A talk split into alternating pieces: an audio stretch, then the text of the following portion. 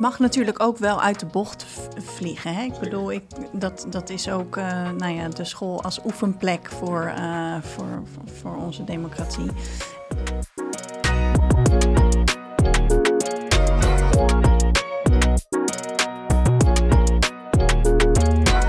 Welkom. Leuk dat je luistert naar Beide Les. Een podcast waarin wij, Annemarie Proost en Eduard van Dam, over onderwijs spreken vanuit onze dagelijkse praktijk op een school in Amsterdam-West. Onze missie is om onderwijs te maken dat goed en inclusief is. En met deze podcast onderzoeken we welke elementen daarvoor nodig zijn.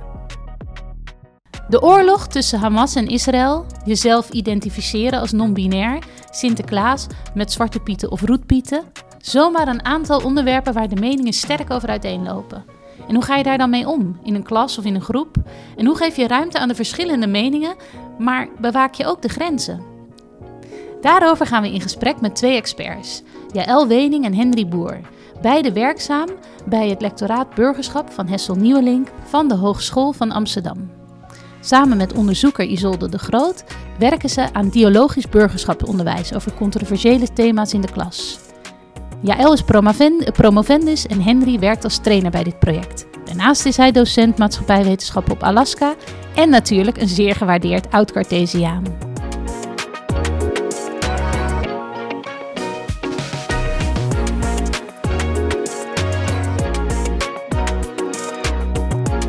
Hey Annemie. We zijn hier op de HVA uh, op een regenachtige dag. Je hoort, gek genoeg hoor je nog steeds de airco, ook al is het best wel koud buiten. Maar uh, die hoor je denk ik zo her en der er doorheen. En uh, ja, heel bijzonder dat we hier mogen zijn. Ja, het is voor mij een beetje als terugkomen op een oud nest. Want ik heb hier mijn tweede en mijn eerste graad gehaald. Al wat gebouw waar we nu zitten, daar ben ik dan weer nog nooit geweest. Maar dus het voelt een beetje als een soort ja, back-to-school-achtige ervaring. We zijn hier met Henry en Jaël. Uh, heel fijn dat we hier mochten komen. En uh, nou, Henry is een oude bekende van de podcast en zeker ook van ons. een van de eerste afleveringen zat je al in en daar hadden we het al over het onderwerp van vandaag. Nou, Klopt, ja. Controversiële uh, gesprekken. Controversiële omgeving ook, volgens mij. Was dat jouw slaapkamer? Ja, dat was mijn slaapkamer. Ja, dat was... Ja, dat was, die heb ik gehoord vanochtend ja. in de trein. Op een of andere manier gaf dat de meeste reacties. Is dit een goede podcast waar ik heen moet? Nee, dus het valt nog mee dat we hier alleen maar airco hebben. Precies. Uh, en Jaël, welkom. Fijn dat je, dat je daar hier tijd voor wilde maken. Ja, leuk dat jullie uh, hier naartoe komen. Ja. En, en nou hadden we het van tevoren al even over... Um, ik geloof dat het, de, zeg maar het deel van de HVA waar jullie nu voor werken, heet nu, uh, moet je me helpen, de Center for Urban Education, zeg ik het goed? Ja, en specifiek het lectoraat burgerschap. Precies, want de naam gaat wijzigen, toch? Het wordt gewoon het lectoraat burgerschap? Ja, is onderdeel van. En uiteindelijk waar het uh, om draait zijn, uh, of tenminste, wij hebben, Anne, Annemarie, wij hebben ooit die, de training ook gedaan in een eerder stadium. En dat gaat eigenlijk over hoe voer je nou hele moeilijke gesprekken controversiële gesprekken uh, in een klas of met kinderen of met leerlingen, toch? Ja, dat, is, uh, dat is de insteek. Ja. Um, en jullie hebben natuurlijk een hele andere rol daarin. Jij ook kort vertellen, hoe ben jij hierbij betrokken en wat, uh, ja, wat doe jij voor dit lectoraat? ja, ik ben promotieonderzoek aan het doen op dit thema. Uh, ik ben vorig jaar gestart in uh, fase 1 en daar hebben we een soort inventarisatie gedaan met acht docenten. Uh, ik heb daar veel geobserveerd. Die docenten hebben dingen uitgetest. Ik heb hun leerlingen geïnterviewd en ik heb hen heel veel geïnterviewd. Um, en daar ben ik op zoek gegaan naar belemmerende en bevorderende factoren voor zo'n gesprek, om zo'n gesprek te voeren. En we hebben samen met hen lessen ontwikkeld. Uh, en op basis van al onze inzichten hebben we dus een lessenreeks gemaakt en een uh, docent professionaliseringstraject. En die zijn we dit schooljaar uh, gestart als pilot. Dus we hebben 18 superleuke, enthousiaste docenten door, het hele, door, ja, door het hele land gevonden. Ja. En ja, die zijn we nu aan het trainen en die zijn nu de lessen aan het uittesten. Ja. Waar moeten we dan aan denken? Zijn het dan vooral uh, maatschappijwetenschap of maatschappijleer, geschiedenis? Wat voor soort docenten zitten daar dan eigenlijk? Ja, nou, ons doel is eigenlijk om het te integreren in alle vakken. Dus we hebben heel breed geworven. Um, maar voornamelijk maatschappijvakken. Dus we hebben geschiedenisdocenten, levensbeschouwing, maar ook echt burgerschapsdocenten, wereldburgerschapsdocenten. Ja, dus, uh, want dat is ook een van onze doelen om het te integreren in de, in de normale vakken. Ja, ja dat, dus dat het niet alleen maar iets is wat bij maatschappijleer naar voren komt, maar misschien ook bij Engels ja. of uh, aardrijkskunde. Ja, precies, maar nee, daar zullen we het zo meteen denk ik ook nog wel over hebben. Want dat, dat is ook hoe, wat gebeurt natuurlijk. Soms komen juist de meest soort ingewikkelde gesprekken komen op de meest onverwachte momenten exact. in je klas. Uh, ja. Ja. En, misschien moeten we nog wel even eerst vragen: wat is dan uh, voor de mensen die luisteren? Wat, wat, wat zijn dan controversiële thema's in de, in de school? Ja. Wat maakt een gesprek controversieel? Nou ja, dat er wel enig uh, ongemak kan zijn uh, wanneer het uh, besproken wordt. men is het vaak niet met elkaar eens. Dat is wel een criterium voor, voor een controversieel onderwerp. Um, en dat er ook al een bepaalde verhitting bij zit als je het met elkaar gaat bespreken. in, het, in het klaslokaal of aan de, aan de eettafel. En dat er ook wel risico is op oververhitting dus dat eigenlijk de dialoog dan um, nou ja, eigenlijk geen doorgang meer kan vinden. dus dat er iets gebeurt in de groep, dat kan eigenlijk emoties zijn, waardoor er eigenlijk een situatie ontstaat waarbij de dialoog uh, geen doorgang meer vindt. En dat risico is bij controversiële onderwerpen wat groter dan dat je het hebt over uh, een bepaalde formule of uh, nou ja, andersoortige gesprekken die je kan hebben in het uh, lokaal. Ja, dus, het zijn, ja, het is ook vaak uh, gevoelig, sensitief. Sensitieve thema's en controversiële thema's worden vaak in de literatuur ook door elkaar gehaald. Um, maar ik sluit me inderdaad bij Henry aan. En dat het soms ook uh, sensitief is omdat het bijvoorbeeld traumatisch is voor een bepaalde groep. Ja. Ja. Um, denk aan een gesprek over vluchtelingen. Uh, of migratie wanneer je in de klas veel vluchtelingen hebt. Uh, het kan beladen zijn. En wat we ook afgelopen jaar hebben gezien, is dat het ook heel erg kan verschillen uh, qua waar je zit. Dus ja. het, is, het ja, verschilt qua tijd en, en qua plaats. Ja, dus in de, kan, in, de, in de training wij geven een soort van, ook in die shorts, die, we, die lessenserie die we hebben ontwikkeld, geven we altijd voorbeelden, maar nodigen de docenten echt uit om het zo te tweaken dat het voor die groep waar ze voor staan interessant is. Dus dat het niet te warm is of te koud in het proces. Ja, precies. Want dat is natuurlijk. We hadden wij het uh, pas even over dat uh, bij een vriendin van ons die nu uh, niet meer in de stad werkt, opeens de stikstof, dat dat een controversieel ja. gesprek is. Ja, ja, dat is bij ons op school niet per se dat kinderen daar heel sensitief over zijn, nee. over, over, het algemeen. Nee, en ik was afgelopen jaar per school in Meppel bijvoorbeeld. En daar had iedereen een omgedraaide vlag op zijn, op zijn laptop. En was het daar wel heel hot omdat ouders eventueel boer waren die oh ja. werden ja. uitgekocht. En die hadden daar hele sterke gevoelens bij. En inderdaad, toen gaf uh, Henry ook aan van ouders in Amsterdam niet, niet zozeer uh, nee. hot. Nee. nee.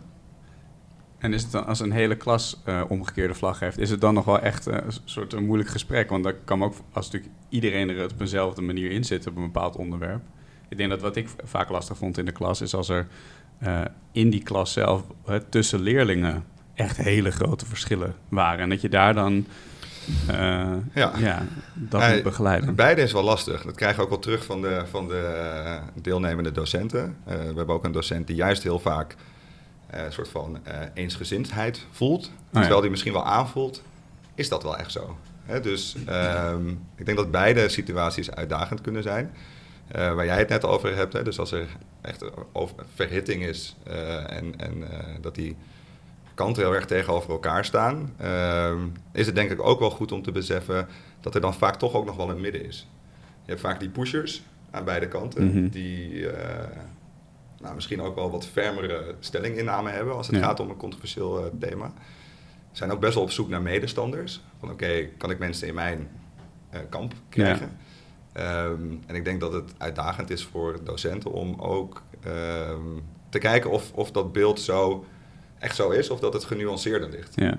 En, dus, dus een van de belangrijkste dingen is dus ook dat je meer mensen aan bod laat komen dan alleen degene die het hardste ja, roepen. Dus die multiperspectiviteit uh, bevorderen daarin is ja. wel, uh, kan heel waardevol zijn. Ja. ja. Ja. ik heb ook veel leerlingen gesproken en ja, die geven ook aan van ja, het gesprek wordt wel eens gevoerd, maar niet veel. En ze vinden het ook heel relevant dat het gevoerd ja. wordt. Dus ze denken, nou, het is echt goed voor mij voor later ook dat ik dan dit oefen.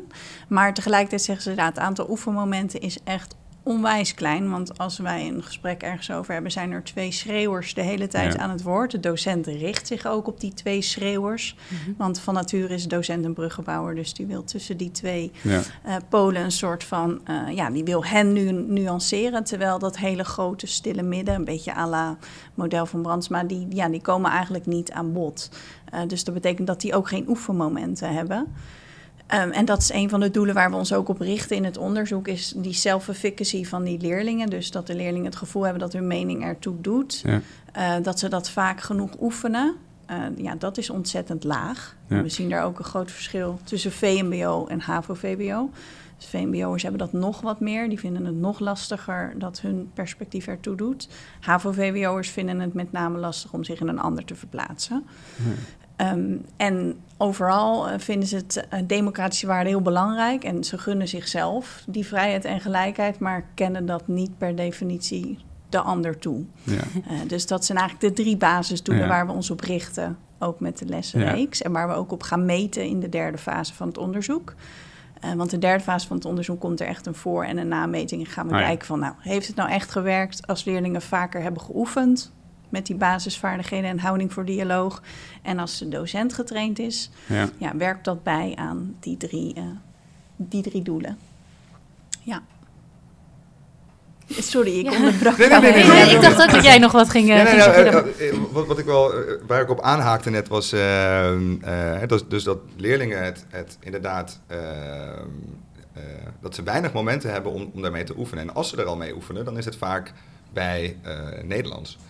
Dan Ja. heb je een debat. Hè? Dus ze Ja. zijn best wel eh geskild in, oké, hoe kan ik eh, oratorisch verantwoord eh, de ander schaakmat zetten? Dat Ja. vinden ze ook best wel winnen en leuk. verliezen. Ja. Winnen en Ja. verliezen. Ja. Ik had het vorige week, eh, gingen we het over Israël-Palestina hebben in mijn eh 5 VBO-groep. En er was echt een leerling die begon, die was helemaal hyped. Ja. En toen ging ik eh, vertellen, even uitleggen wat het verschil is tussen een debat en een gesprek. Oh, dan moest hij echt even schakelen. Ik vond het eigenlijk Ja. jammer. Eh, achteraf nog wel even op teruggekomen. En daarin is het dus eh, echt anders hoe je eh, met elkaar omgaat. Hè? Dus je, bij een gesprek gelden er andere eh, richtlijnen die je het liefst ook met de klas opstelt. Ja. eh, dan bij een debat. Dus het vergt ook wel een soort van Mindset. mentaliteitsshift van heel veel leerlingen over... oké, maar je hoeft dus niet te winnen. Het gaat om Ja. eh, vertellen en luisteren. En, Ja. en eh, ehm, als we dit dan als voorbeeld nemen, in jouw 5 VWO, hoe, hoe vlieg je dat aan? Hoe bereid je dat voor?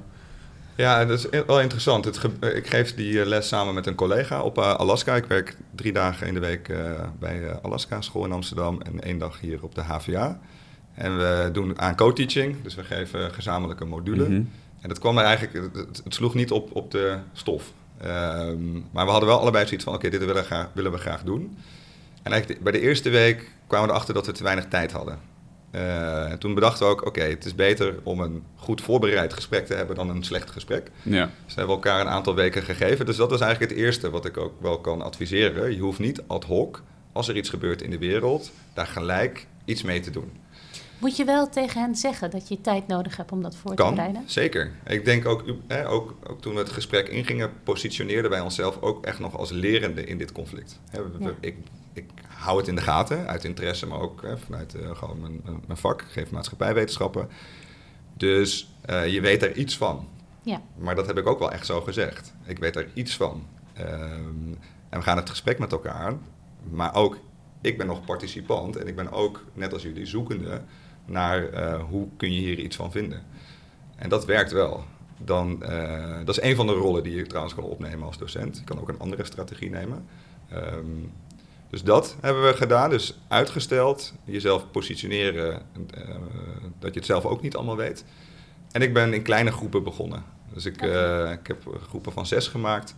Oh ja. Eh, zij gingen onderling inventariseren van welke meningen zijn er eigenlijk allemaal. Eerst in, in het land, Ja. in het nieuws. Dan maak je het nog niet zo persoonlijk. Daarna mochten ze bepalen van oké, bij welke mening ja, voel je je misschien wel aangetrokken of kun je wel in vinden. En daarna mochten ze elkaar gaan eh, bevragen daarover. Dat waren eigenlijk de stappen. En was toen, je, toen jij een inventarisatie deed van die groepjes van zes, had je het gevoel van dit is een heel controversieel thema in mijn klas? Ja, dat is een goede vraag. Ehm, niet in de zin dat er veel oververhitting was. hè, Dus ze deden het eigenlijk heel goed. Ja. Ja? Ehm, Maar ik merkte wel bij een aantal tafels dat, ehm, dat, ehm, dat leerlingen het wel lastig vonden als de andere, als, als de andere mening meer aanwezig was. Oh ja. Hè, dus als je een tafeltje had waar eh, Ja. vijf mensen aan zaten die eigenlijk de, de kant van Palestina wel heel erg goed konden begrijpen. Dat als je dan de kant van Israël inbracht, dat dat wel lastig kon zijn. Hè, Dus daarin, en we- wij, wij liepen allebei rond. Dus daarin eh, heb ik bijvoorbeeld een keer de rol van, eh, dat is ook een van die zes docentrollen die je kan aannemen, om het minderheidsstandpunt even te steunen. Nou ja. Ja, dus dan ga je daarnaast eh, staan eh, en ik heb haar wat vragen gesteld om haar, nou ja, iets meer in haar, eh, in haar eh, verhaal te zetten. En is het dan niet ook, want dat, dat zit ik nu te denken van, het, nou, een controversieel gesprek is waar ze heel erg tegen elkaar ingaan, maar op het moment dat je een eenling bent in een groep en je bent degene die anders denkt dan de groep, dan wordt het weer meer, denk ik, een sensitief gesprek, wat het Ja. voor sommige kinderen heel, of leerlingen Ja. heel heftig maakt. Ehm, dat, ja, ik denk wel dat dat is wel interessant om die, die Ja. twee dingen. Ja. Wordt dat ook zo in de literatuur eh, gebruikt of eh, zit ik dat nu ter plekke te verzinnen? Ja, nou, ik hoor. eh, ik- het mag natuurlijk ook wel uit de bocht vliegen. Hè? Ik Zeker. bedoel, ik, dat, dat is ook eh, nou ja, de school als oefenplek voor, eh, voor, voor, voor onze democratie. Ehm, dus het mag ook zeker uit, de uit de bocht vliegen. En, maar soms heb je dus inderdaad een klas, en nou ja, die had ik van de week. En die ja, hadden gewoon helemaal niets met het, met het conflict in Israël. En, en daarvan eh, ja, dacht ik. Eh, Ehm, ja, hoe, hoe ga je dan zorgen dat ze daar toch over na gaan denken Ja. wat daar speelt? En, ja, dus, Ja, dus dat is is dan niet inderdaad... controversieel Gebrek ook aan niet- controverse eigenlijk. eh, Exact, ja. Ja. Maar tegelijkertijd weten we ook dat er dus, als er dus wel verschillende standpunten... Mijn collega Willemijn, die heeft er onderzoek naar gedaan... dat als je dus wel een super divers klimaat hebt... dat er ook Mhm. niet altijd gebruik van wordt gemaakt. Dus Nee. Ehm, en leerlingen hebben afgelopen jaar in de eerste fase bij me aangegeven dat als ja, dat ze dan wel eens ja, een leerling op een heel wit gymnasium bijvoorbeeld, die dan zeggen, ja, we zijn het eigenlijk allemaal wel met elkaar eens. Ja. Eh, dat zij dan zeggen, ja, ik vind het wel fijn als wij een keer uit onze bubbel gehaald worden door die docent. Dus die Ja. maken dan de docent ook heel verantwoordelijk voor dat zij dan dat andere perspectief in moeten brengen. Eh, en dat is interessant en dat zijn inderdaad Ja. dus twee uitdagingen. Enerzijds van, nou, hoe zorg ik dat dat gesprek veilig eh, verloopt? En anderzijds, hoe zorg ik dat er ook eens iets anders aan bod Ja, komt? want dat is Ja. natuurlijk best, Ja. als je zo'n echt zo'n hele eh, eensgezinde groep hebt. En dan kan je natuurlijk inderdaad dat andere standpunt inbrengen. En dat is heel belangrijk. Maar daar, daarmee blijft het natuurlijk wel ook een soort ehm abstracte, eigenlijk een soort ged- gedachteoefening of zo. Hè? Van nou, Ja. we kunnen eens bedenken hoe andere mensen hierover denken.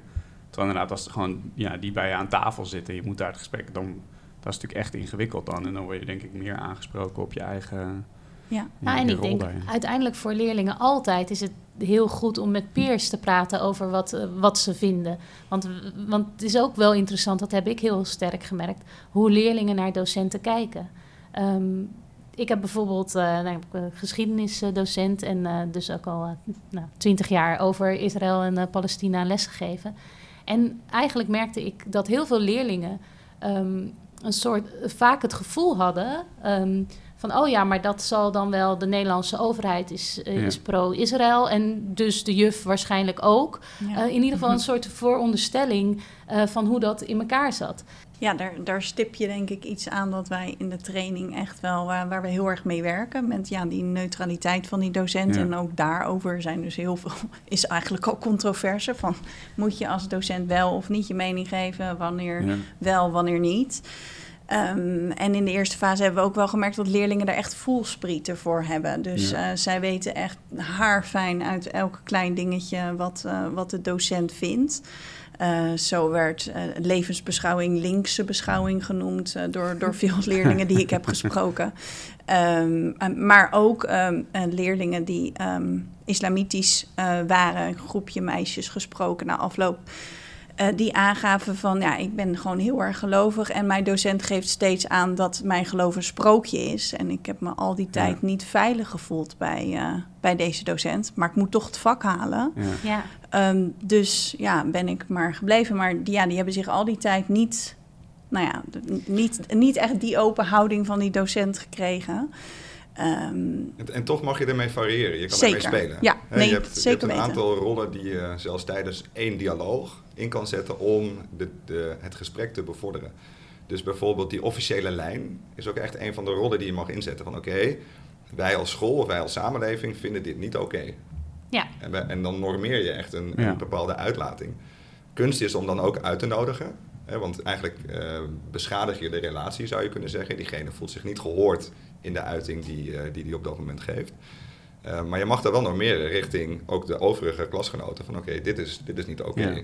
Op basis van wat wij als school of als samenleving hebben afgesproken. Zitten voor- en nadelen aan. Hè? Want eh, inderdaad, eh, dan ben je onderdeel van eh, dat systeem waar die leerling misschien al sowieso heel veel aversie Ja. tegen heeft. Ja. Ehm, maar het kan in een bepaalde context kan het wel uitkomst bieden om de dialoog weer verder aan te gaan. Nou, en ook wel, ik, ik heb dit soort situaties ook wel meegemaakt. Ehm, dat je ook af en toe kon ik wel het idee hebben, ja, er, er wordt nu heel veel een bepaalde mening voor. Dat ging dan bijvoorbeeld over homoseksualiteit. En Ja. kwam heel vaak de mening terug, eh, ja, kan niet, of het is, eh, mag niet, noem maar op. En dat ik dan toch wel, een ja, ik denk, ik weet zeker dat er in dit klaslokaal ook kinderen zijn die misschien gay zijn of zich op een andere manier identificeren, noem maar op. En dat je toch ook voor hun dan wel een soort tegengeluid. en, dan- Ja. en tegelijkertijd is dat ongemakkelijk, want dat zit heel dicht bij, bij hoe ik zelf de wereld zie. hè. Dus in hoeverre ben ik dan mijn eigen, eh, mijn eigen verhaal aan het ge- geven of mijn meningen te veel aan het geven. Ik vond dat soms best wel heel lastig schipperen, Ja, zeker rondom dat onderwerp. Ja, je, je mag bijvoorbeeld, wat ik een hele fijne vind, is dat je ook op basis van em- empirische gegevens, van, van wat de wetenschap weet, Ja, ook mag normeren. Dus we weten, er, is, er is wetenschappelijk geen discussie meer over seksuele diversiteit. En genderdiversiteit. hè. De wetenschap is daar best wel uit. Hetzelfde als klimaatverandering. 99% van de wetenschappers zegt ja. er is sprake van klimaatverandering. Eh, dus je kan wel eh, ook in zulke situaties zeggen van oké, daar gaan we het niet over hebben. Dat is niet de con- controverse.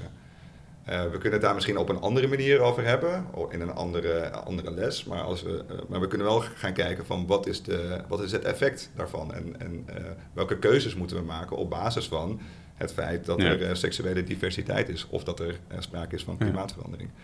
Ehm, want anders ga je namelijk, kun je ook wel laten verleiden in dat wel eens niet het spel van bestaat het of niet. Nee, maar ik, denk- ik denk dat, dat dat op zich... ehm, want dat is natuurlijk inderdaad... Ik, ik moet gelijk aan een voorbeeld denken dat ik een keer had toen...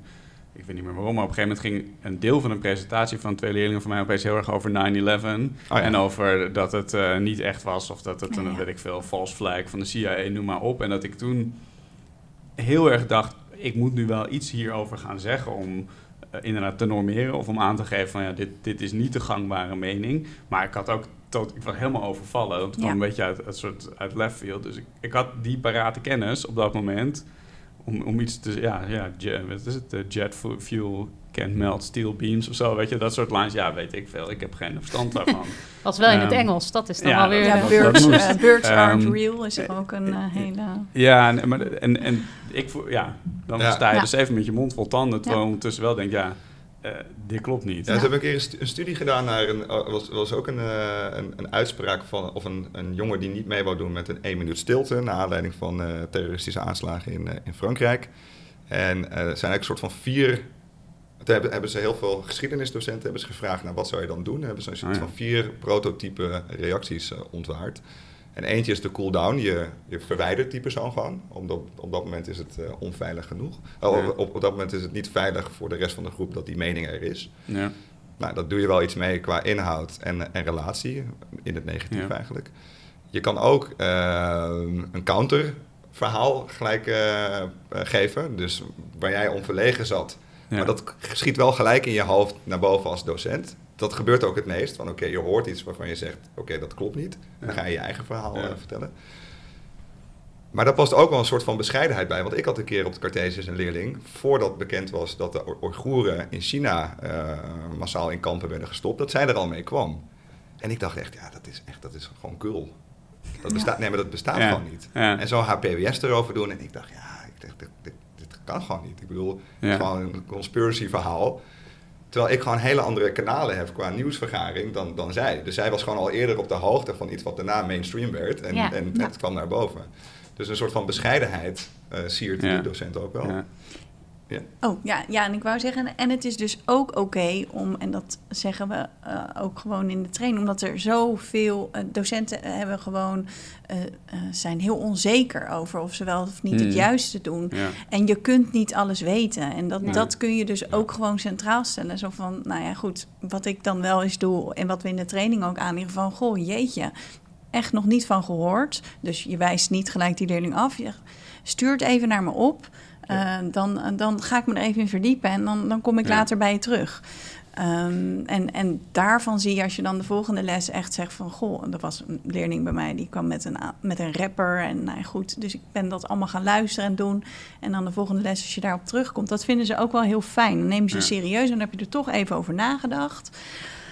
Nee, Nou ja, en je bent echt aan het luisteren naar het kind. En Ja. dat is Ja. natuurlijk vanuit een leerling. Want ik denk wel dat dat uiteindelijk heel belangrijk Ja. is. Dat je je gehoord voelt. Ja. Je hoeft niet gelijk te hebben, maar je moet wel gehoord zijn. Zeker, ja. Ja, en daar moet je ook aan werken. En toevallig op jullie vorige podcast hoorde ik ook... niet elke docent moet per se maar het gesprek aangaan... omdat een directie zegt of een minister Nee. van ga het gesprek aan.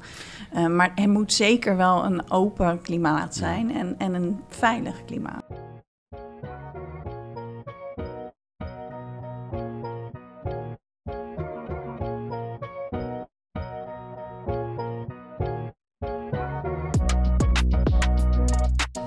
Vind je dit een leuke podcast? Nou, dan kan je ons bijvoorbeeld sterren geven. Ja. Of een recensie achterlaten? Of een eh, berichtje sturen op podcast.cartesius.esprietscholen.nl Ja. Of gewoon natuurlijk eh, delen in je netwerk? In de nieuwsbrief van je school. Ja, waarom niet? Waarom niet? Kan gewoon. Heb je ideeën, tips, suggesties? Gasten, Laat het ons weten. we horen het graag.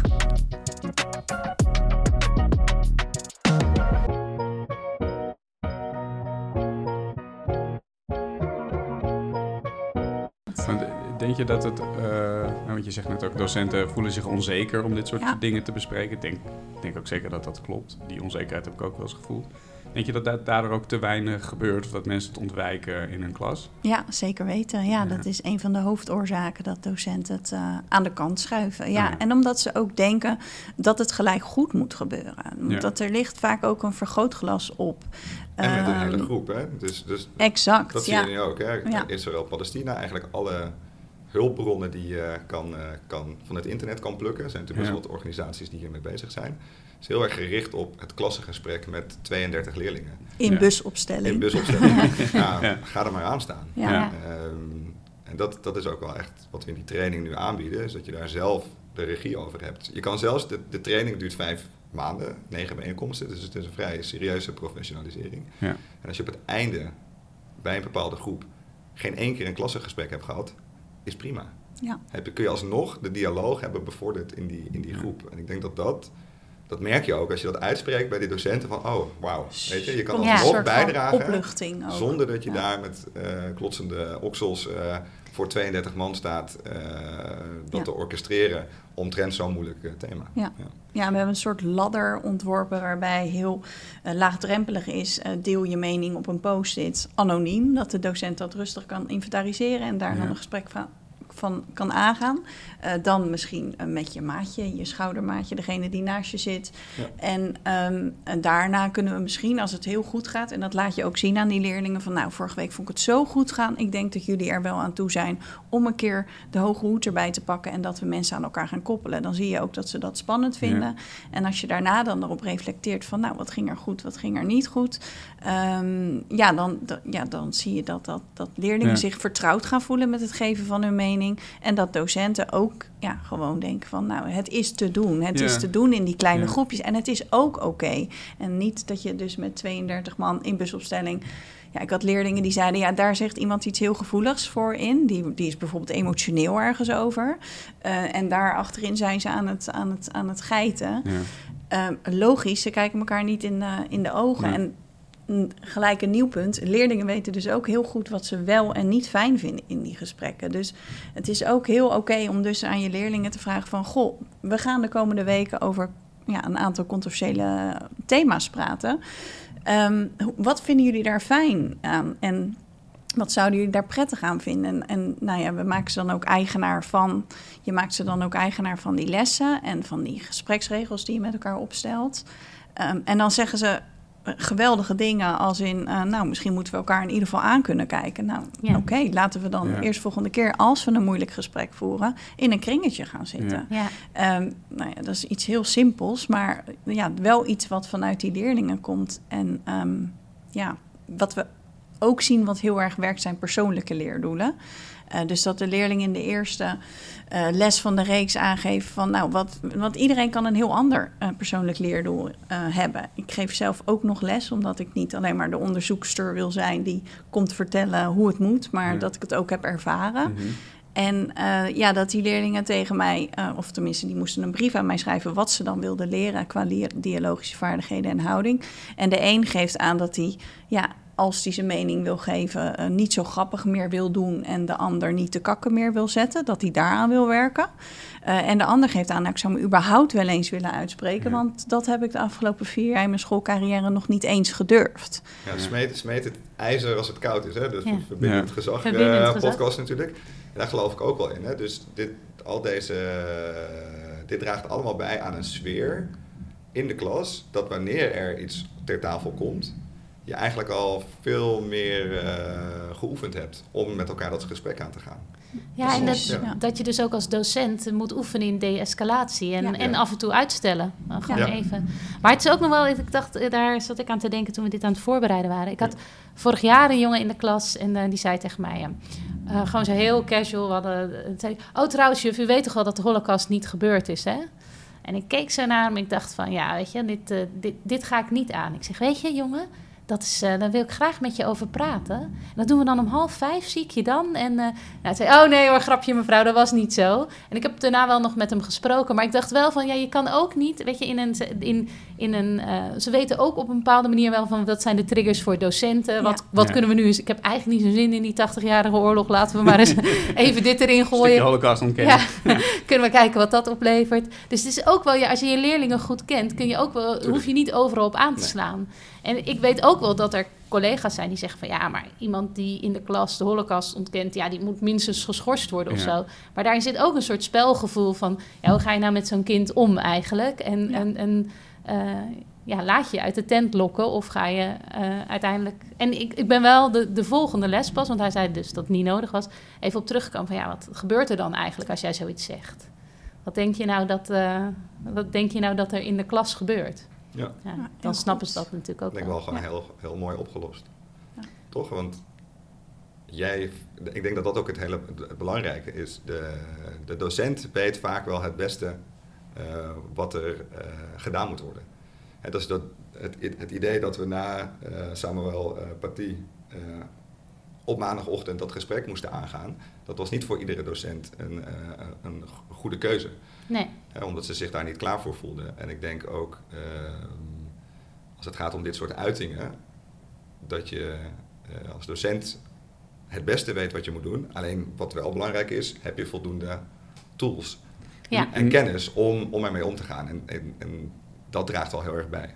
En eh, toch even dan de vraag, hè, want ehm, kijk, voor een deel, eh, dit gaat over eh, meningen, je mening verkondigen en je verhouden tot andermans meningen en daar op een goede manier over kunnen spreken. Maar is het niet ergens ook wel de taak van een school om te normeren? Dus om gewoon te zeggen, dit is wel oké en dit is niet oké. Jij kan het wel zeggen, maar ik stel toch nu als vertegenwoordiger van, nou inderdaad, misschien uiteindelijk wel de maatschappij of de regering of noem maar op van, Zeker. ja, dit, dit, dit willen wij niet. Hè? En daarom inderdaad, als jij holocaust ontkent, nou, dan schors ik jou. Ik zeg niet, maar ik denk Ja. dat er mensen zeker zo over denken. En ja, in hoeverre is, is elke mening gelijkwaardig dan aan elkaar?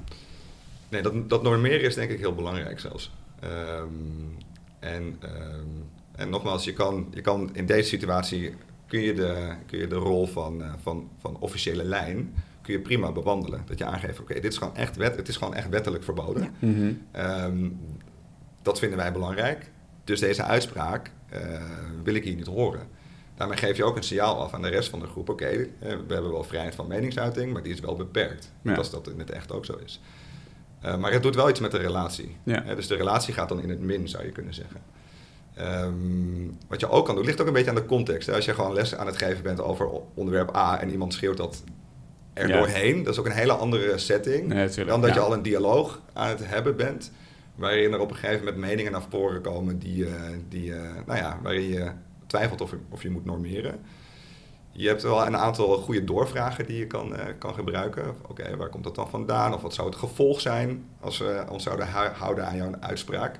Dus dat je op die manier de leerling zelf of met de leerlingen met wie je het gesprek voert, uh, tot dat soort antwoorden probeert te komen. Kijken of dat wat doet. Mhm. Ehm, je, kan, je kan het neerzetten als een perspectief. Oké, dit is laten we hem even stopzetten. dit is jouw perspectief. Laten we even inzoomen op, dit, eh, op deze uitspraak of de thematiek die daaronder ligt. Wat zijn de andere perspectieven? Wat, vind je, wat vindt de rest van de klas over dit, uh, dit thema? Of wat, dat helpt vaak ook, wat heb je gehoord of gelezen? En dan kun je namelijk niet je eigen mening hoef je dan te vertellen of je eigen perspectief, maar wat je gehoord uh, of gelezen hebt. Enige nadeel daarvan is dat je wel ook die mening waarin jij, waarover je twijfelt of dat binnen de norm past, dat je die wel legitimeert op een bepaalde manier. Ja. Dan nog een stap die je kan doen, uh, is dat je dat ook gaat inventariseren. Dus dan ga je kijken met elkaar van oké, we hebben nu uh, geïnventariseerd wat is er uh, qua, qua perspectieven, wat vinden we daar dan van en op basis waarvan. dus dan ga je het gewoon ja, toch wat analytischer ja. aanvliegen. Um, en dat kan, maar nogmaals, dan moet de relatie met die klas goed zijn. Uh, je moet aanvoelen dat, dat, uh, dat ze elkaar daarin serieus nemen. Um, maar het is wel een mogelijkheid. Ja, ja. ja want ik zit nu wel even te denken. Want uh, stel je voor, je zat bij mij in de klas terwijl dit gebeurde. En ja, je grootouders hebben de holocaust overleefd of de, dan is dat natuurlijk wel ook heel heftig dat er niet genormeerd wordt op zo'n ja. moment. Ja. Dus, dat, dus er zitten echt wel altijd twee kanten Ja. uh, aan. En je moet constant ja, dat spelgevoel inzetten om te kijken waar, ga, waar gaan we het naartoe laten gaan van deze les. Maar het, het, het, het, is denk ik heel goed om te beseffen dat normeren niet verkeerd is. Ja. Um, ja. En dan proberen uit te nodigen. Ja, Ja. Ik, moest nog, ja, ik moet nog heel even denken aan een post van onze minister van het Onderwijs voor het weekend. Um, dat ging over uh, het conflict. Um, en um, hij, hij, riep docenten en studenten op om aangifte te doen als, als er gediscrimineerd werd in het klaslokaal. En daarvan dacht ik, goed. Maar um, ik vind ook wel dat het klaslokaal een plek is waar je ja. leert om uit de bocht te vliegen. En als ik in de negen jaar dat ik voor de klas stond, uh, alle, alle discriminerende opmerkingen op, op wat dan ook uh, serieus uh, heb genomen en daar aangifte van zou doen, dan, ja, dan hebben ze nogal wat te doen bij de politie. Ja. Dus ik, ik vond het een mooie oproep. Tegelijkertijd dacht ik ook, het is, het is de plek waar leerlingen leren wat wel en niet gepast is. Dus ja, je moet ja. ook zeker daarin normeren. Ja. Als ik denk, mijn dochter van elf, als, die, die heeft af en toe nog geen idee wat ze zegt. Nee. Die doet Nee. iets om stoer te doen, omdat ze... Ja, die hebben als profielfoto in de groepsapp zag ik gisteravond Kim Jong-un. Dat ik zei, goh, weet jij wel wie dat Ja. is? Nou, Ja. dat doen ze de hele tijd. En ze doen de hele tijd allerlei... eh, aparte gifjes. En de, Ja. Dat, dat- ja, ja, goed, heel fijn als een docent daar het gesprek Ja. over aangaat van wat wel en niet gepast is. En niet dat eh, die leerlingen die dat plaatje in die groepsapp eh, eh, plaatsen, dat, dat daar aangifte tegen wordt gedaan. Ja, nee, precies. Daar ben ik het echt helemaal mee Ja, eens. ook, want dat, ja, de school als, als plek om te leren, ik bedoel, Precies. dat is ook, eh, ja. Ja, en al dat De soort, dat soort uitspraken gebeuren ook binnen een schoolcontext. Ja. Ja. En dan vind ik het ook inderdaad primair aan, aan de school, zeg maar, om daar eh, mee om te gaan. Het is weer iets anders als een kind in zijn vrije tijd in het weekend ergens iets doet. Ja, dan, dan gebeurt het ook in een ander domein. Ja. Ja. Ehm, En als we nu, eh, volgens mij hebben we, nou, zijn jullie met echt een geweldig project bezig. Eh, en is, die, eh, is het, het professionaliseren van docenten, denk ik, echt de stap naar meer democratie in de samenleving. Dus dat is echt heel mooi. En als we nou, hebben jullie ook nog tips en tricks? Want nou, luisteren nu docenten, niet iedereen heeft, nou, er is nu nog een pilotgroep. Misschien gaan ze allemaal in de komende jaren eh, de professionalisering doen, maar misschien ook niet. Wat zijn nou de belangrijkste tips en tricks eh, voor docenten, maar misschien zelfs ook wel voor ouders aan de keukentafel. ouders, ja. Want dit is natuurlijk ook iets waar je opeens met je kinderen... Het ligt ook naar hoe... Die komen opeens met plaatjes van Kim Jong-un eh, thuis. Ja, Precies, en het maakt heel erg uit of zij in een, eh, eh, op een gymnasium zitten eh, waar, ze weinig, waar weinig diversiteit is, of op een VMBO-school waar heel veel diversiteit is. Dat zal hun eh, wereldbeeld enorm eh, beïnvloeden. Ja. Ja, ik denk uh, een goede tip is dat het, het gesprek mag een open eind hebben. He, dus uh, je kan een gesprek aangaan over een controversieel onderwerp zonder dat het gesprek af hoeft te zijn. Let's uh, agree to disagree is prima bij een controversieel gesprek. Nieuwsgierig zijn, dus oprecht nieuwsgierig zijn naar het verhaal van je dochter of je zoon of van de leerling in de klas. Um, ja, ik denk dat dat een soort van twee grondhoudingen zijn die wel echt bijdragen aan het feit dat je een gesprek gaat hebben. Want je wordt heel snel verleid om uh, de discussie in te gaan. En uh, proberen de ander te overreden. Terwijl dat niet per se het doel is van een gesprek voeren met elkaar. Ik merk dat bij mezelf ook nog steeds. Hè? Vooral als je het over politiek hebt, ook met vrienden bijvoorbeeld. Um, ja, dan zou ik ook wel wat meer mogen luisteren. Dat leer ik nu ook al van het geven van deze training. In plaats van je... Um... Ja, ergens op aanhaken en denken, oké, nu heb ik een haakje. Ja, Kom op, nu ben ik aan de beurt. Ja, Wat ook lekker is soms. Het is helemaal niet verkeerd, maar het is een andere insteek. Precies, het mag in de kroeg, maar hoort niet in, uh, in, in het klaslokaal misschien. Ja, en je kan natuurlijk, uh, denk ik als docent, uh, gebruik maken van uh, groepsgrootte. Dus hoeft echt niet met 32 leerlingen um, frontaal, klassikaal het over moeilijke onderwerpen te hebben.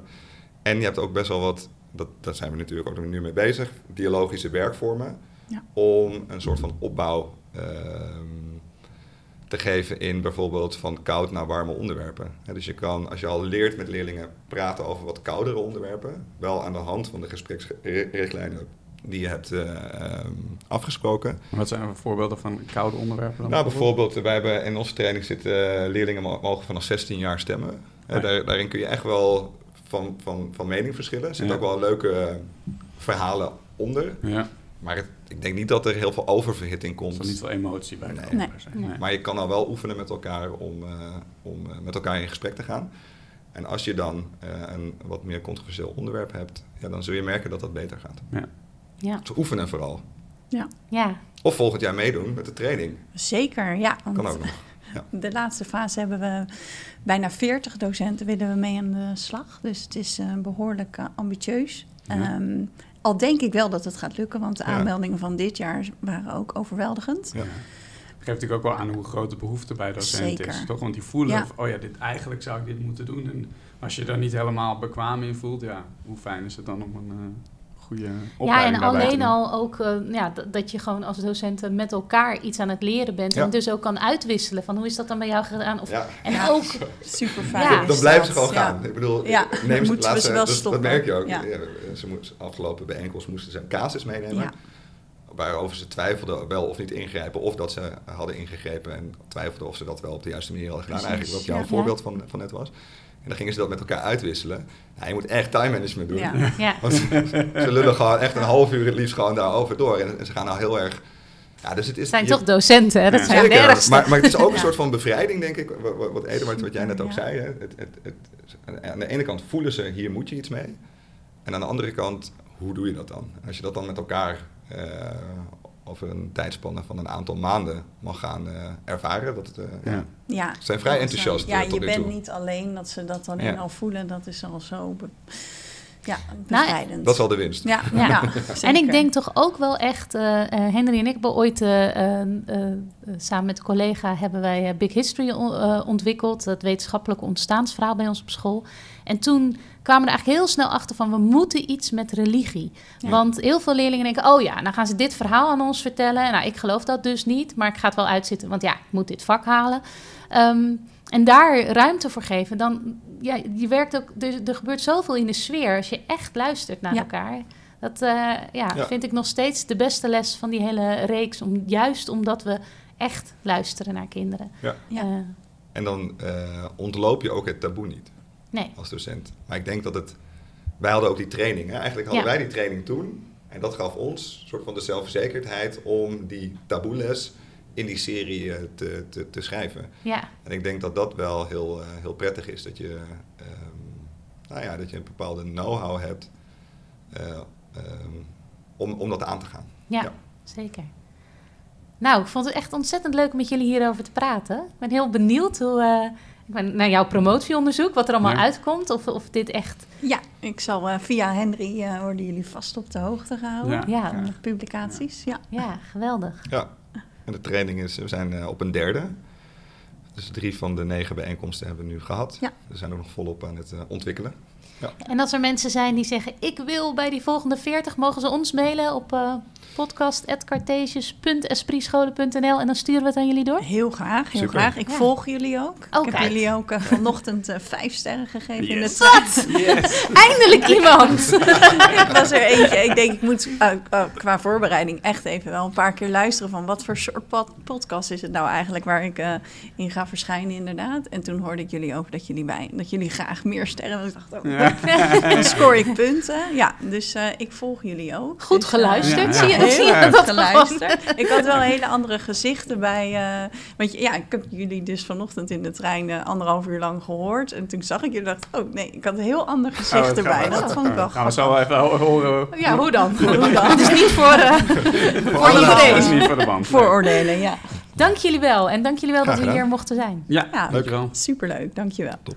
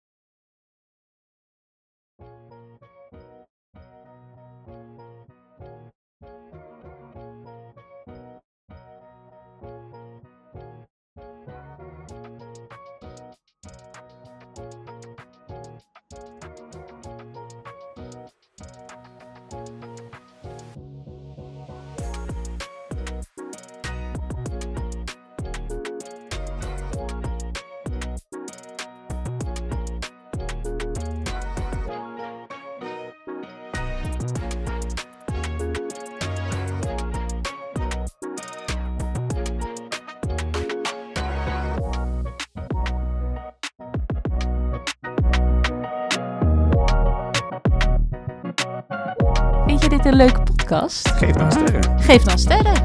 Ja, El had ons sterren gegeven, dat zei ze net. Precies, dus dat volg heel- een goed voorbeeld wat dat betreft. Abonneer je. En ehm nou, bedankt voor het luisteren. heel erg bedankt. Tot de volgende keer.